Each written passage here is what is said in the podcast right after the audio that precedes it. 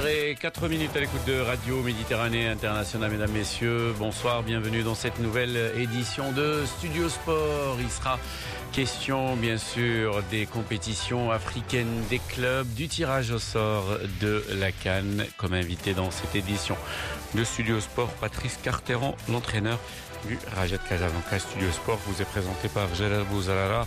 يوسف شاتر مساء الخير يوسف. مساء الخير جلال. مساء الخير لكل المستمعين الكرام في هذا العدد الجديد من برنامج استوديو الرياضة. كما تفضلت جلال الحديث عن كرة القدم الإفريقية بمسابقتيها دور الأبطال الوداد البيضاوي الذي حجز مكانه للدور نصف النهائي. وأيضا كأس الكونفدرالية الإفريقية التي ننتظر مباريات الأندية المغربية حسنية أكادير أمام الزمالك المصري ونهضة بركان الذي يتجه نحو التأهل بعد فوزه ذهابا بهدفين على فريق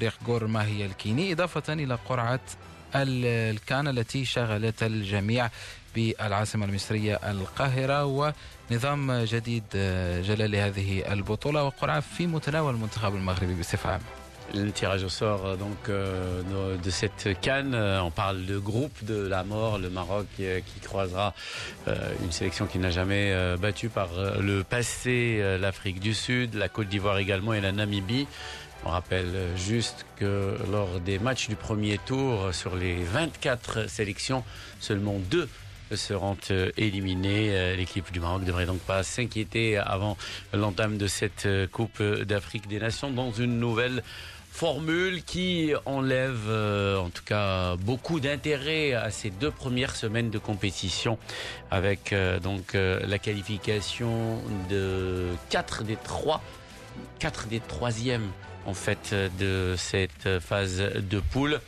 Un tirage au sort qui a été aussi marqué par de très très belles images, de très très beaux moments offerts par les, les organisateurs égyptiens. On parlera aussi, comme je le disais, donc Youssef, de cette Ligue des Champions.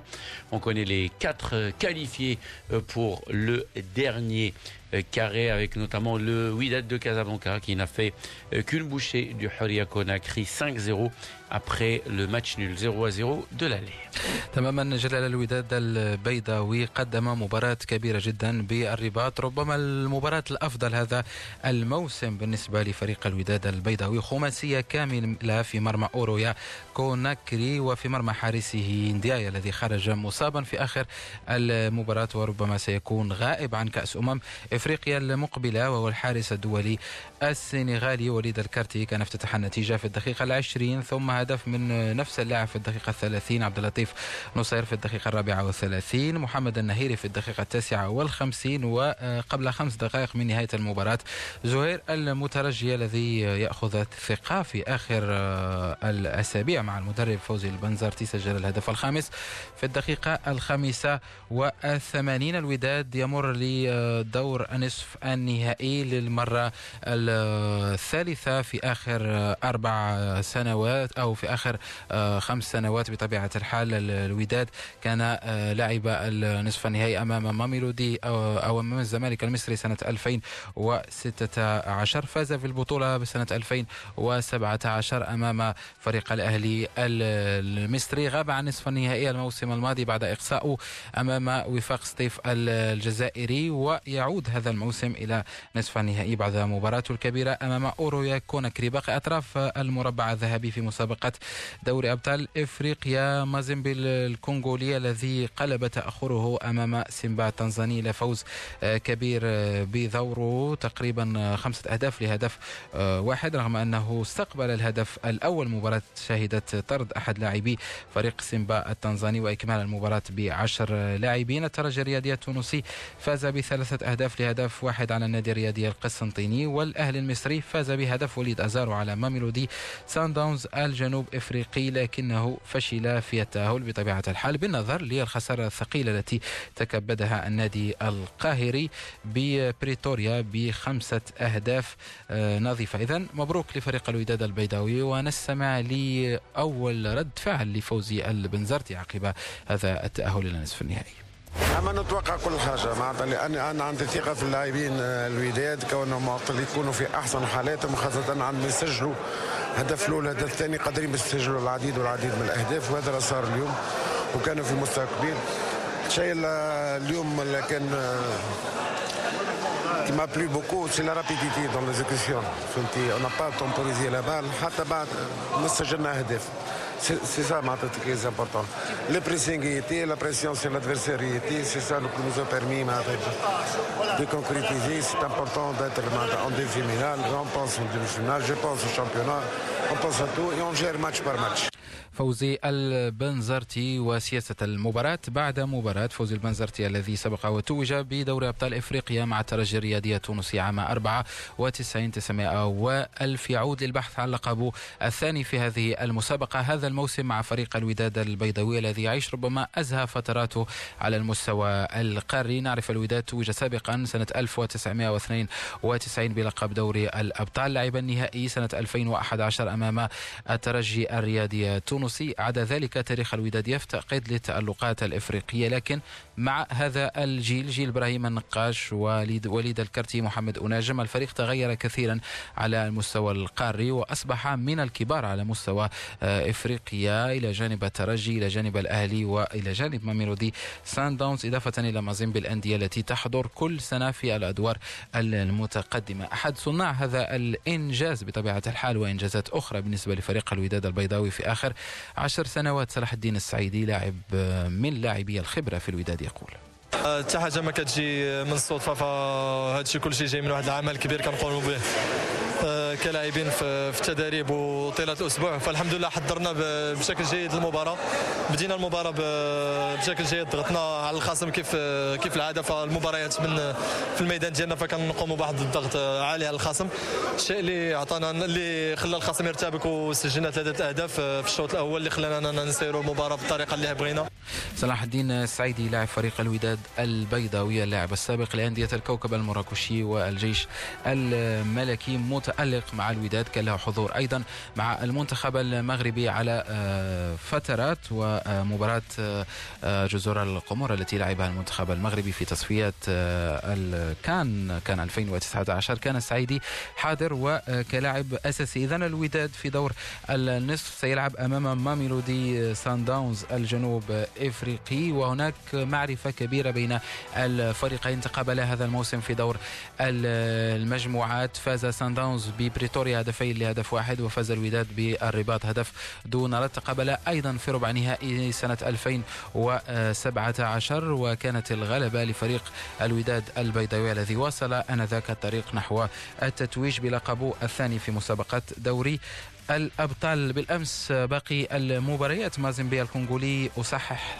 فاز بأربعة أهداف لهدف واحد وليس بخمسة أهداف أمام السيمبا التنزاني وكان منتظر مرور فريق مازيمبي إلى الدور النصف النهائي. نتيجة الذهاب كانت انتهت هدف أو دون أهداف بدار السلام أرض فريق سيمبا التنزاني. مازيمبي يمر ليواجه الترجي الرياضي التونسي وأيضا هي مباراة تقليدية على المستوى القاري. الترجي الذي فاز بثلاثة أهداف لهدف واحد على حساب النادي الرياضي القسنطيني الجزائري ثنائية لسعد بقير صانع ألعاب الترجي في الدقيقتين الثالثة والعشرين والسابعة والعشرين وفرانك كوم الدولي الكاميروني كان سجل هدف آخر في الدقيقة السادسة والثمانين لينهي أمور هذه المباراة. الترجي كان فاز ذهابا بثلاثة أهداف لهدفين بقسنطينة الجزائرية. خيبة أمل بطبيعة الحال ملموسة في تصريح تصريحات لاعبي النادي الرياضي القسنطيني الذين قدموا بطولة جيدة على آه، مستوى الخبرة التي يمتلكها هذا الفريق. بطل الجزائر السنة الماضية ويصل إلى الدور ربع النهائي إنجاز في أولى تجارب هذا الفريق. وليد بن شريفة أحد لاعبي آه، النادي الرياضي القسنطيني وعميد الفريق يتحدث عن الخروج من البطولة الإفريقية. المقابلة اليوم كانت مقابلة صعبة. كنا فريق حامل لقب الترجي آه، كنا عملنا بجديه في طريق الأسبوع باش نرد الاعتبار تاع الإنهزام من مقابلة الذهاب. ما حالفناش الحظ اليوم آه، قدمنا مباراة جيده ولكن فريق الترجي كان أكثر فعاليه في الهجوم. آه، سجلنا الأهداف وتأهلنا. لك فريق شرق قسنطينه وليد بن شريفة لاعب نادي الرياضي القسنطيني الجزائري عقب الخروج من الدور الربع النهائي أمام الترجي الرياضي التونسي. الدور نصف النهائي الترجي يلعب أمام مازيمبي الكونغولي وماميلودي سان داونز الجنوب أفريقي. يلعب أمام الوداد البيضاوي بالتوفيق للأندية المغربية. وسنطير إلى تونس للحديث عن الترجي وهذا التأهل الجديد إلى المربع الذهبي مع عبد السلام ديفلا محلل كرة القدم التونسية على أمواج ميدي آن عبد السلام مساء الخير. مساء الخير يوسف مساء الخير لكل السادة المستمعين. إذا مرور بسهولة شيئا ما لفريق الترجي التونسي لم يعاني كثيرا أمام النادي الرياضي القسنطيني. ربما نتيجة الذهاب خدمت كثيرا أبناء معين الشعباني في مباراة الإياب وعودة التألق لسعد بقير الذي كان محل انتقاد في مناسبات عديدة لجماهير الترجي. بالفعل ربما أنت لخصت الحكاية بالنسبة للترجي التونسي الذي استفاد كثيرا من نتيجة الذهاب في قسنطينة فتسجيل ثلاثة أهداف في مرمى المنافس والفوز ثلاثة أهداف مقابل هدفين. في اعتقادي الترجي آه، كأنه كان سيلعب مباراة شكلية مساء الأمس آه، لأنه ثلاثة أهداف نتيجة كبيرة جدا على أرض المنافس. وبالتالي الترجي في اعتقادي كان أمن العبور إلى دور نصف النهائي منذ لقاء الذهاب في مدينة قسنطينة الجزائرية. لقاء الأمس كان فرصة للتأكيد والترجي استطاع أن يؤكد وكانت أيضا فرصة لسعد بقير لإثبات علو كعبة خاصة أن عديد الأصوات باتت تتعالى منتقدة أداء هذا اللاعب في الفترة الأخيرة ولكنه ككل مرة يخرج ويعود ويؤكد أنه لاعب مهاري أنه قادر على تسجيل الأهداف أنه قادر على تحقيق الانتصارات للترجي وقادر أن يقلب مباراة بمفردة قادر أن يصنع انتصارات بمفرده وهذا ما حصل صراحة. آه، البارحة سعد بقير كان آه، عبر عن أو أبان عن علو كعبه كلاعب مهاري وصنع أهداف ومسجل للأهداف. وأيضا جاء التأكيد كذلك أيضا من فرانك كوم المتوسط الميدان الكاميروني الذي يسجل بالرأس لأول مرة مع الترجي التونسي رغم قصر قامته إلا أنه كان حاضرا في, في الاقتناص كرة مرتدة من القائم والحارس بعد مخالفة الجزائري البليلي الترجي فاز ثلاثة أهداف لواحد ولكنه أيضا صراحة لنقولها حقيقة أنه الترجي لم يحافظ على نسق الأداء العالي الذي ميزه في الشوط الأول لأنه في بداية الشوط الثاني تراجع نوعا ما الترجي التونسي وترك المساحات للفريق الجزائري الذي ذلل الفارق بهدف رائع جدا صراحة وكانت هناك خشية كبيرة أن يعدل الفريق الجزائري النتيجة ولكن بعدئذ استعاد الترجي زمام المبادرة واستطاع أن يضيف هدفا ثالثا قتل به المباراة. بطبيعة الحال الترجي استحق تأهله إلى الدور المقبل. عبد السلام في نصف النهائي الترجي ينتظره مازيمبي الكونغولي ومباراة تقليدية في إفريقيا. دائما التنافس موجود بين الفريقين. كان هناك نهائي 2010 فوزي البنزرتي كان على بنك الترجي وخسارة لومومباتشي بخمسة أهداف دون رد. لم تترك للترجي خيارات في مباراة الإياب التي انتهت بالتعادل هدف لمثله كان هناك أيضا ربع نهائي سنة 2013 يبدو لي وكانت الغلبة هذه المرة للترجي نزال ربما صعب وبالنظر آه، للمباراة الأخرى الوداد وميلودي سان داونز. ربما نقول أنه النهائي قبل الأوان هي مباراة الترجي ومازيمبي.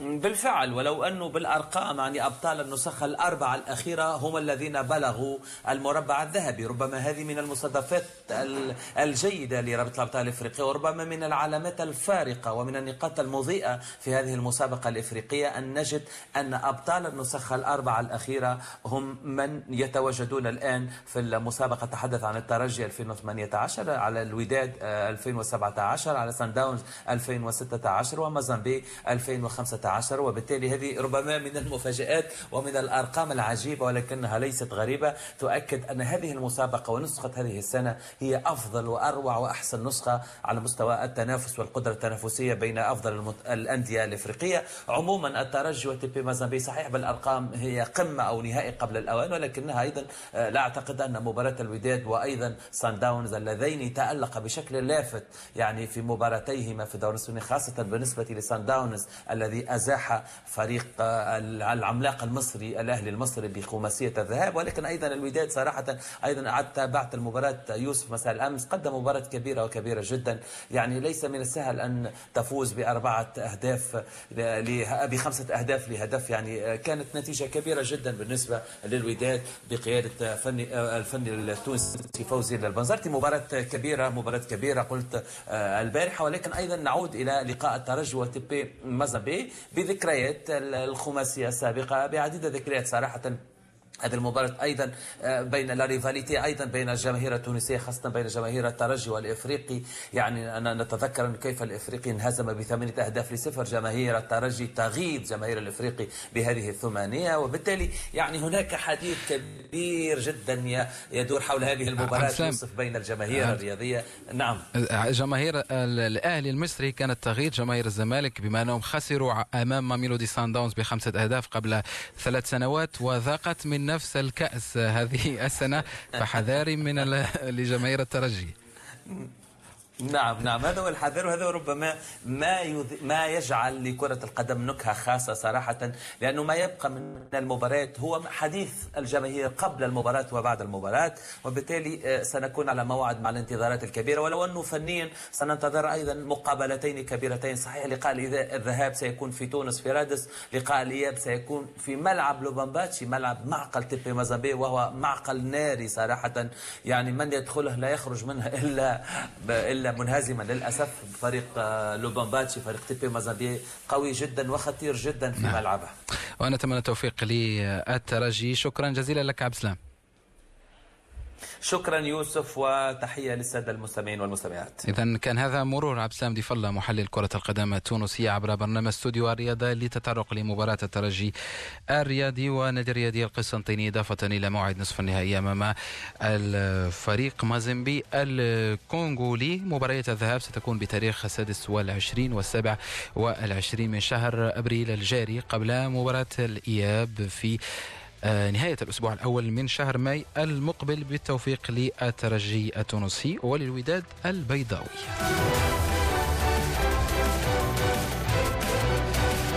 نفتح مستمعينا الكرام صفحة كرة أو كأس الكونفدرالية الإفريقية. نستمر مع كرة القدم الإفريقية. كأس الكونفدرالية الإفريقية التي تلعب مبارياتها اليوم. إياب ربع نهائي. نفس تقريبا نفس مع نفس دور آه، دوري الأبطال على التوازي. تجرى مباريات كأس الكونفدرالية الإفريقية. وفي هذه الأثناء يتقدم النادي الصفاقسي التونسي على أن كان الزامبي بهدف آه، دون رد. هدف فراس شوات في الدقيقة السابعة آه، من عمر هذه المباراة. ونذكر مباراة الذهاب كانت انتهت بهدفين لهدف واحد لصالح كان زامبي. أي نتيجة هذه المباراة؟ إن استمرت هكذا هدف دون رد للنادي الصفاقسي تؤهل الفريق التونسي. نذكر أيضا أن مباراة النجم الساحلي التونسي والهلال السوداني كانت أجلت إلى موعد لاحق بسبب الأحداث الأمنية التي تعيشها آه، السودان. آه، الاتحاد الأفريقي لكرة القدم منح فريق الهلال السوداني الاختيار سواء اللعب في مصر أو في إثيوبيا والاتحاد آه، أو فريق الهلال السوداني لكرة القدم. اختار اللعب بالعاصمة الإثيوبية مباراة الإياب. مباراة الذهاب كانت انتهت بثلاثة أهداف لهدف واحد وهذه المباراة المؤجلة بين الهلال والنجم ستلعب في تاريخ الثاني والعشرين من شهر أبريل آه، الحالي. آه، طبعا مباراة صعبة جدا لفريق النجم الساحلي رغم تقدمه ذهابا بثلاثة أهداف لهدف واحد ضمن آه، بقي المباريات ستكون هناك صبغة مغربية عليها الاثنتين مباراة حسنية أكادير الزمالك المصري لقاء الذهاب دون أهداف ترك لفريق حسنية أكادير حظوظ كبيرة للتأهل. إن هو استطاع تسجيل هدف سيصعب من مأمورية فريق آه، الزمالك المصري. أو أيضا هذا بركان الذي هو تقريبا متأهل بهدفين دون رد فاز ذهابا على غورماهيا الكيني. ومباراة الإياب تلعب اليوم انطلاقا من الساعة الثامنة بالملعب الملعب البلدي لبركان بخصوص مباراة حسنية أكادير والزمالك المصري. سنستمع للصحفي المصري محمود ماهر مباشرة من القاهرة يتحدث لنا عن الأجواء التي تسبق هذه المباراة وأيضا عن التشكيلة المحتملة لفريق الزمالك المصري. بداية الزمالك هيلعب على ملعب غير ملعبه ملعب الجيش في مدينة السويس هو ملعب بعيد أيضا في المدينة نفسها. وهو ملعب غير الملعب الذي يعني ستستضيف السويس عليه مباريات كأس الأمم الأفريقية ملعب السويس الجديد هو ملعب مختلف عن ملعب الجيش اللي هو ملعب الجيش طبعا استضيفت عليه مباريات كأس العالم للشباب تحت 20 سنة سنة 2009 المدير الفني للنادي الزمالك كريستيان جروس استقر على التشكيل يعني بنسبة كبيرة بعد عودة فرجاني ساسي اللي هو اللاعب التونسي الذي يبني عليه خطته ويضع حوله أي لاعبين أو أي عناصر يؤدوا بشكل جيد جواره. في حراسة المرمى سيعتمد على محمود عبد الرحيم جنش وهو الحارس الدائم للفريق. وفي خط الدفاع عبد الله جمعة على الطرف الأيسر. محمود علاء ومحمود حمدي الشهير بالونش في قلب الدفاع وناحية اليمين الظهير التونسي حمدي النقاز في خط الوسط طارق حامد وفرجاني ساسي معا وفي خط الأمام سيعتمد على أحمد سيد الشهير بزيزو ويوسف إبراهيم الشهير بأوباما ومحمود عبد المنعم الشهير أيضا بكهربا. وفي خط المقدمة كرأس حرب صريح المهاجم الدولي المغربي خالد بوطيب الذي يعني تعرض لانتقادات شديدة جدا جدا من جماهير نادي الزمالك في المباريات الماضية خاصة مباراة المصري في الدوري المصري عندما خسر الزمالك بهدفين لهدف أعتقد إن هو سيعتمد على خالد بوطيب في تلك المباراة كأساسي رغم الانتقادات وسيصر على رأيه كريستيان جروس. وربما في الشوط الثاني لا يعتمد على احداد بل يعتمد على عمر السعيد اللي هو مهاجم المصري قادم من وادي دجلة في الصيف الماضي. أعتقد هو هو الذي سيحصل على فرصة خلال الشوط الثاني إذا تعقدت الأمور بالنسبة للزمالك. أعتقد هناك جماهير ستحضر المباراة بطبيعة الحال. الملعب يعني يتسع لحوالي 40 ألف متفرج تقريبا. من الممكن أن نرى مثلا عشرة ألاف أو 12 ألف متفرج. هناك جماهير كثيرة ذهبت من القاهرة إلى السويس منذ الساعات الأولى يعني للصباح اليوم الساعة العاشرة أو الحادية عشر تقريبا. كل جماهير بدأت تذهب نحو السويس. والسويس قريبة من القاهرة يعني لا, لا تبعد أكثر من 100 كيلو عن القاهرة فبالتالي من الممكن أن يتنقل بعض الجماهير القاطنة في تلك المدن القريبة أصلا من السويس بشكل أسهل من الجماهير التي تقطن مثلا في 6 أكتوبر أو في وسط القاهرة. محمود ماهر الصحفي المصري بطبيعة الحال تحدث عن مباراة الزمالك المصري ونادي حسنية أكادير اللقاء الذي ينطلق على الساعة الثامنة بالتوقيت المغربي موازاة مع مباراة نهضة بركان جور ما هي الكيني طبعا مباراة صعبة لفريق الحسنية نتمنى لممثل سوس التوفيق في هذا اللقاء والعودة بالتأهل إلى نصف النهائي. إن حدث ذلك سيكون إنجاز تاريخي للفريق السوسي. Música بعد الحديث مستمعينا الكرام عن دوري أبطال إفريقيا وكأس الكونفدرالية الإفريقية نختم هذا الجزء الأول من برنامج استوديو الرياضة بالتذكير بالمباريات التي تشهدها الملاعب الأوروبية خاصة الدوري الإنجليزي الممتاز وقمة ليفربول أمام تشيلسي على أرضية ملعب الأنفيلد رود نتيجة التعادل دائما دون أهداف بين الفريقين. مباراة هامة جدا من أجل تحديد مصير بطل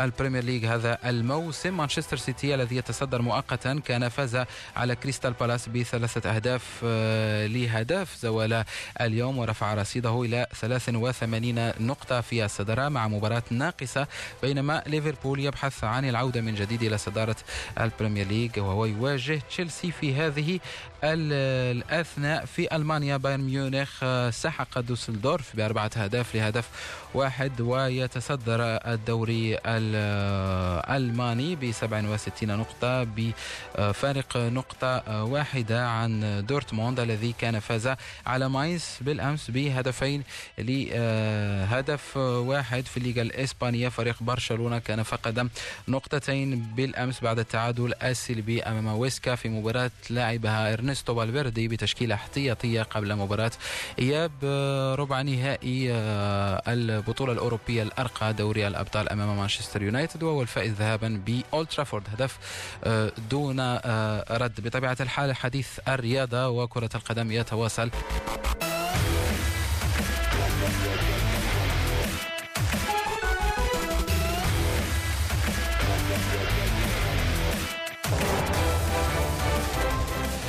الخامسة والدقيقة الرابعة والثلاثون أنتم في الاستماع لميديا وهذا الجزء الثاني من برنامج استوديو الرياضة المتواصل. في جزئه الأول تحدثنا عن كرة القدم الإفريقية دوري الأبطال تأهل الوداد البيضاوي إلى المربع الأخير. باقي النتائج أيضا. تحدثنا مع الصحفي المصري محمود ماهر عن مباراة الزمالك المصري وحسنية أكادير قبيل ساعات من انطلاقها كيف هي الأجواء بالقاهرة وأيضا التشكيلة المحتملة لفريق الزمالك المصري التي سيقودها الدولي المغربي خالد بوطيب كرأس حربة في تشكيلة كريستيان جروس مدرب الزمالك أيضا ننتظر فريق حسنية أكادير بشكل مختلف من أجل تسجيل الأهداف بالعاصمة المصرية وجعل المباراة صعبة على فريق الزمالك المصري العملاق في كرة القدم الإفريقية. أيضا نهضة بركان بالملعب البلدي لبركان يلعب أمام غورما هي الكيني؟ هذه المباراة تنطلق على الساعة الثامنة مساء دون أن ننسى المباراة التي تتواصل في هذه الأثناء بين النادي الصفاقسي التونسي وإن كان الزامبي. نادي صفاقسي يتقدم بهدف دون رد وهي نتيجة تؤهله إلى آه، الدور المربع الذهبي. أيضا هناك مباريات على مستوى كأس أمم إفريقيا لأقل من 17 عاما. تنزانيا خسرت أمام نيجيريا بخمسة أهداف لأربعة وفي هذه الأثناء تتواصل مباراة أنغولا وأوغندا. المنتخب المغربي لهذه الفئة أقل من 17 عاما مشارك ويتموقع في المجموعة الثانية إلى جانب منتخبات الكاميرون آه، غينيا والسنغال. آه، سيلعب يلعب المنتخب المغربي غدا أول مبارياته في هذه البطولة أمام المنتخب السنغالي. مباشرة نتحول مستمعينا الكرام إلى موضوع آخر يهم كرة القدم الإفريقية المشاركة السابعة عشرة للمنتخب المغربي في أمم إفريقيا. ستقوده إلى المجموعة الرابعة المجموعة التي تضم الكوت ديفوار ناميبيا جنوب إفريقيا بعد سحب القرعة الذي أقيم بمصر مصر. التي ستحتضن هذه البطولة للمرة الخامسة في تاريخها. سبق وتوجت ثلاث مرات على أرضها عندما نظمت خسرت مرة واحدة وبلغت المربع الأخير في نسخة ستة أو أربعة وسبعين بطبيعة الحال المنتخب المصري. من المراهنين الكبار على لقب هذه النسخة من الكان سيلعب في المجموعة الأولى إلى جانب الكونغو الديمقراطية أوغندا زيمبابوي. في المجموعة الثانية نيجيريا أمام غينيا مدغشقر التي تشارك للمرة الأولى وأيضا بورونديا التي ستشارك للمرة الأولى. المجموعة الثالثة المنتخب الجزائري تحت قيادة جمال بالماضي وتحدي البروز في هذه الكان سيلعب في المجموعة الثالثة مع السنغال كينيا وتنزانيا. المنتخب المغربي في المجموعة الرابعة مع كوت ديفوار ناميبيا جنوب إفريقيا. المجموعة الخامسة تضم تونس مالي موريتانيا التي تشارك للمرة الأولى وأنغولا. والمجموعة السادسة الكاميرون حاملة اللقب غانا بنين وغينيا بيساو. في أول بطولة إفريقية تلعب ب 24 منتخبا. نظام جديد اعتمده الاتحاد الإفريقي لكرة القدم انطلاقا من نسخة هذا هذه السنة التي ستقام بمصر انطلاقا من الحادي والعشرين من يونيو المقبل. كيف يقرأ الإطار المغربي حسن مومن المدرب السابق للمنتخب المغربي قرعة التي جعلت المنتخب المغربي في المجموعة الرابعة حظوظ أسود الأطلس وكيف ينبغي الاستعداد من أجل التألق في الكان المقبل؟ حسن مؤمن يتحدث. طبعا أنا كنتفق مع جميع المحللين وبما فيهم اغذي على أننا فعلا في مجموعة الموت وكتكون على كل حال كرة القدم الإنسان ضروري غادي إلا بغى يوصل القمه ضروري انه كيخصو يكون قاد باش أنه ينتصر على اقوياء الفرق وبالتالي فكنظن آه، كتبان باللي فعلا على أنه مجموعة صعيبة بزاف ولكن آه، إيماني كبير في المجموعة الوطنية على أنها قد باش ترفع هذا التحدي. لأن السقف تاع الأهداف هذه السنة هو شيئا ما مرتفع وبالتالي فلا داعي للخوف من الفرق الأخرى مع كامل احتراماتنا إلى هذه الفرق.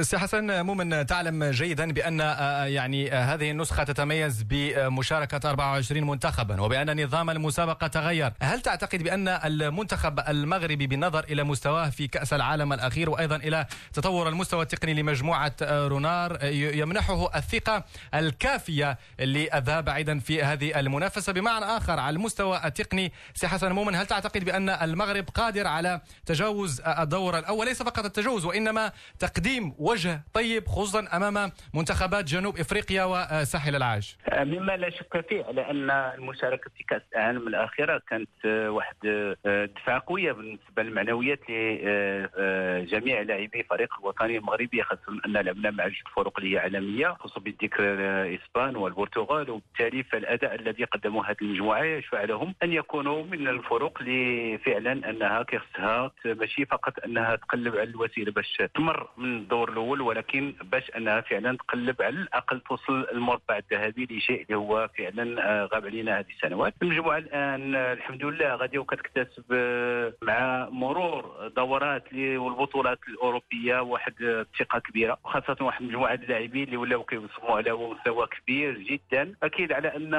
كجميع المغاربة كان واحد النوع تاع التخوف آه، خاصة بعد هيجر واحد مجموعه اللاعبين إلى البطولات الخليجية وبالتالي كان تخوف من الايقاع اللي غادي يمكن لهم والمستوى اللي غيظهروا به هاد اللاعبين خاصة أنهم هما النواة تقريبا كيمثلوا النواة الصلبه بالنسبة للفريق الوطني المغربي هما في آخر مشوار ديال العمر ديالهم في على مستوى المنافسة. هذه أشياء اللي هي فعلا كتخلي بعض الخطرات على أن الإنسان كيكون متردد مع الاسف أن المقابلة الأخيرة اللي جريناها مع الأرجنتين ما كانش في الطقس اللي هو آه، يمكننا من خلاله يمكننا نحكموا على الأداء تاع اللاعبين لأن لا الفريق الارجنتيني والفريق المغربي استطاعوا باش انهم يتحكموا في المقابلة وخاصة على مستوى تاع الايقاع لأن هذا هو اللي كيخصنا نقلبوا عليه. أنا كنظن هذه العوامل كلها لا شفنا حتى المقابلات الأخيرة اللي لعبنا لا مع la Côte d'Ivoire ولا مع آه، l'Afrique du Sud. فكنظن نوعا ما الغالبية كتكون دائما الفريق الوطني المغربي وهذا الشيء اللي هو شيء إيجابي بالنسبة لنا. أكيد على أن جميع الفرق غادي تكون متأهبة وغادي تكون انها مستعده بما يكفي باش أنها ماشي فقط أنها تمر الدور الثاني ولكن هذه الفرق لا لا جنوب افريقيا ولا la Côte d'Ivoire. طبعا اللي هي تقريبا surtout la Côte d'Ivoire اللي تقريبا واحد 15 سنة همات على مستوى كرة القدم الإفريقية ولانها ربحت على كأس إفريقيا وحدة. ولكن وصلت النهائي مرارا وتكرارا ونصف النهائي وكانت واحد الجيل كان عندهم ذهبي والآن كاين تغيير على مستوى التركيبة البشرية نفس الشيء بالنسبة l'Afrique du Sud ولكن أنا كنظن المغرب عكس هو هذه الفرق عنده واحد النوع تاع الاستقرار على مستوى الاداره التقنية على مستوى آه، المدرب وعلى مستوى كذلك اللاعبين بحيث أن المجموعة اللي هي الآن اشتغلت مع إيرفي رونار بواحد النسبة كبيرة تاع 80% لا زالت حاضرة مع إضافة بعض الأسماء الجديدة اللي هي أكيد أنها غتعطي اضافه لهذه المجموعة. طيب سي حسن مؤمن يعني تعلم جيدا بأن قبل أي كأس أمم إفريقيا مرحلة التحضير مهمة ومهمة جدا، نتحدث هنا عن الاختيارات وأيضا عن المعسكر الإعدادي وأيضا برمجة المباريات الودية، الكل اذا كان يتحدث عن ربما كيف سيتعامل إيرفي رونار والجامعة الملكية المغربية لكرة القدم مع المباريات الإعدادية، أيضا مع الاختيارات لأن سي حسن مؤمن البعض ربما يرى بأن وسط ميدان المنتخب المغربي يشكل ربما نقطة قلق وتؤرق بال العديد من المتتبعين وخاصة أيضا العديد من التقنيين على اعتبار أن وسط الميدان خصوصا إذا غاب زياش تغيب النجاعة يغيب البناء الهجومي وهذا ربما مطلوب في مثل هذه المنافسات الإفريقية خاصة في أدوار خروج المغلوب. بالتالي حسن مؤمن أنت كيف ترى ربما كيفية تدبير إيرفيرونار لمرحلة الإعداد لكأس الأمم الإفريقية على مستوى المباريات الإعدادية؟ وأيضا توسيع ربما إذا كان أمكن رقعة الاختيارات.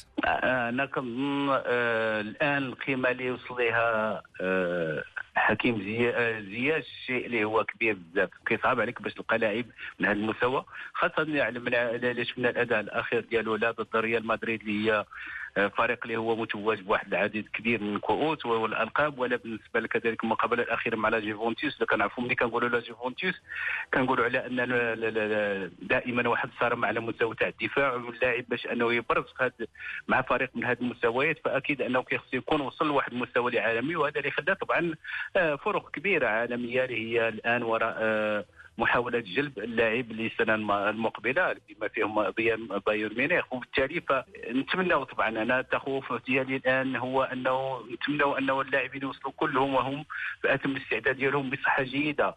طبعا ما غنقولكش البديل كاين كريم زياش ولكن على الأقل على مستوى العناصر البشرية كان بما يكفي على مستوى تاع وسط الميدان الهجومي. يمكن بالهندبي الفينه والاخرى أنه ماشي ذاك اللاعب اللي كيعطيك اللمسات الأخيرة هنا ولكن اللاعب اللي هو كيمكن له يتحكم نوعا ما في الإيقاع.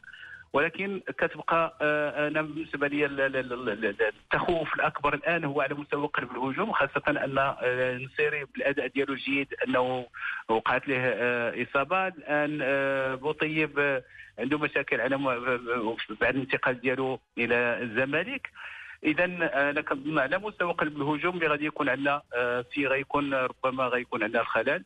ومع طبعا متمنياتنا أن نشوف هذا اللاعب زياش وجميع اللاعبين أنهم فعلا يتمتعون بالصحه الجيدة وما يكونوش أنهم اعصاب كما وقع لحكيم اللي كانت له طبعا شفاء العاجل وعودة ميمونه للفريق الوطني من أجل مساندة المجموعه.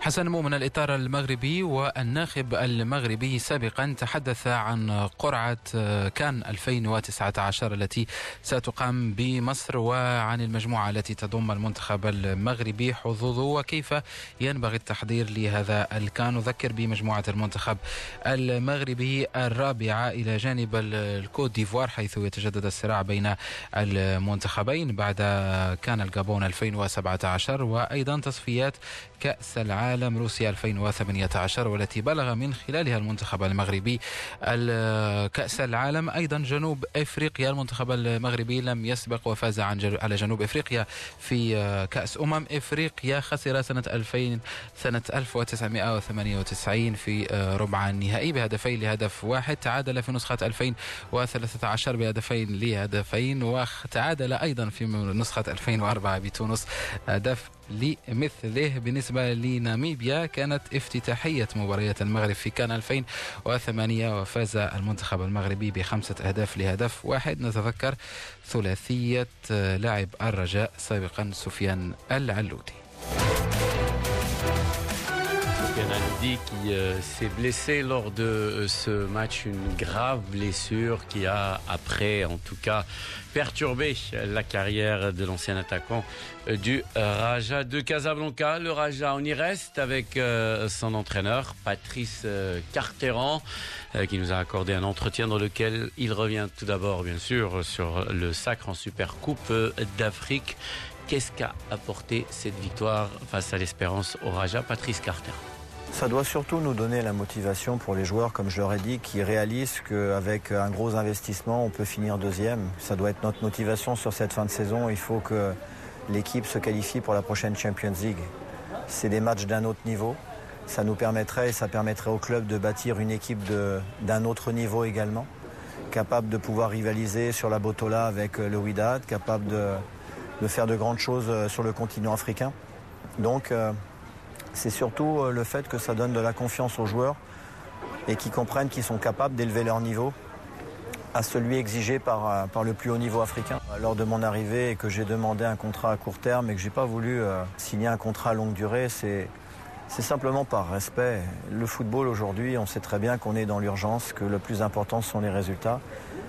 J'ai mis en place une stratégie. Au fond de moi, je savais, et, le président en avait pleinement conscience, je savais que ça allait passer, ça allait réussir. J'avais l'intime conviction qu'on avait les moyens, si l'équipe était prête, de gagner la Super Coupe. Maintenant, on ne sait jamais en football ce qui peut se passer. J'avais pas envie que le club soit, par respect pour les dirigeants, par respect pour les fans, j'avais pas envie que les gens en fin de saison se retrouvent avec un coach qui est sous contrat et, et dont les résultats ne sont pas bons et dont les fans n'ont plus envie, je trouve ça, je trouve ça ridicule. Le football n'est pas qu'une question d'argent, c'est aussi une question de conviction. Voilà, le foot n'est pas qu'une question d'argent, affirme euh, Patrice Carteran, avec qui on a évoqué aussi la situation euh, dans laquelle il avait trouvé le Raja de Casablanca, avec euh, bien sûr une multitude de, matchs dans un laps de temps très réduit, et puis le Raja qui ne joue pas dans son complexe, le complexe Mohamed V de Casablanca, ce qui handicape grandement le Raja. Patrice Carteran. La complexité, ça a été pour nous de trouver de mettre en place une stratégie de travail qui permettait aux joueurs de, retrouver la forme. surtout euh, mentale. Et c'est ce dont je suis euh, satisfait aujourd'hui, c'est d'avoir réussi à, remobiliser l'équipe, avoir réussi à redonner de la fraîcheur physique malgré l'enchaînement des matchs. Donc euh, je tiens vraiment par là à féliciter l'ensemble du staff qui a travaillé d'arrache-pied pour, pour redonner vie quelque part à l'équipe et que les joueurs retrouvent la, splendeur qu'ils affichaient il y a encore quelques mois en arrière. Tellement de passion qu'en tant qu'entraîneur, on ne peut qu'avoir envie de, relever ces défis-là. Vivre euh, ce qu'on a vécu il y a quelques jours en arrière avec euh, cette victoire en, Supercoupe, c'est des moments qui vous donnent une telle énergie que, vous avez envie de continuer de, de tout donner, surtout dans les moments difficiles, parce que vous savez, le métier d'entraîneur, c'est quelques moments euh, exceptionnellement positifs et beaucoup de travail de fond très difficile euh, qui fait que c'est bon de temps en temps d'avoir ce genre de récompense. Faut pas oublier qu'on joue euh, également tous nos matchs à l'extérieur. Ça, c'est la plus grande des contraintes parce que porté par 50 000 euh, supporters, nos adversaires joueraient différemment et nos joueurs également seraient d'autant plus motivés et on ne peut pas s'appuyer sur ça. مدرب فريق الرجاء البيضاوي باتريس كارتيرون طموح التأهل إلى دوري أبطال إفريقيا الموسم المقبل والحلول في المركز الثاني في البطولة المغربية تقريبا بعد انخفاض حظوظ فريق الرجاء في التتويج باللقب بالنظر للفارق الكبير اللي أخذه فريق الوداد البيضاوي هذا الموسم بينه وبين الوصافة باتريس كارتيرون كان آخر من سيتطرق معنا في هذا العدد لمواضيع تهم كرة القدم قبل أن نتحول إلى الحديث عن باقي الرياضات